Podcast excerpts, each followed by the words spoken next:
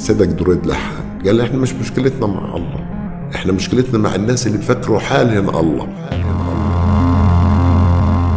القوانين في العالم عادة بتكون منفصلة عن الشريعة الدينية لهاي الدول. لكن الدول العربية اللي بتستنبط قوانينها من الدين كتيرة.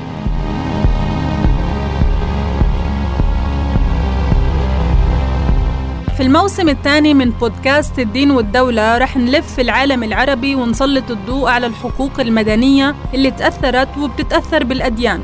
رح نسمع من أشخاص عندهم تجارب في بلادهم سببها بالدرجة الأولى القوانين المستمدة من هاي الأديان.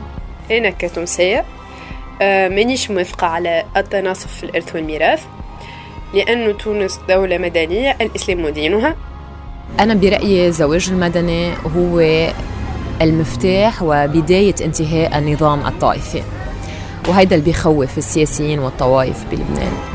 تابعوني أنا عبير أيوب في بودكاست الدين والدولة الموسم الثاني من إنتاج صوت واللي بتلاقوه على صوت دوت كوم.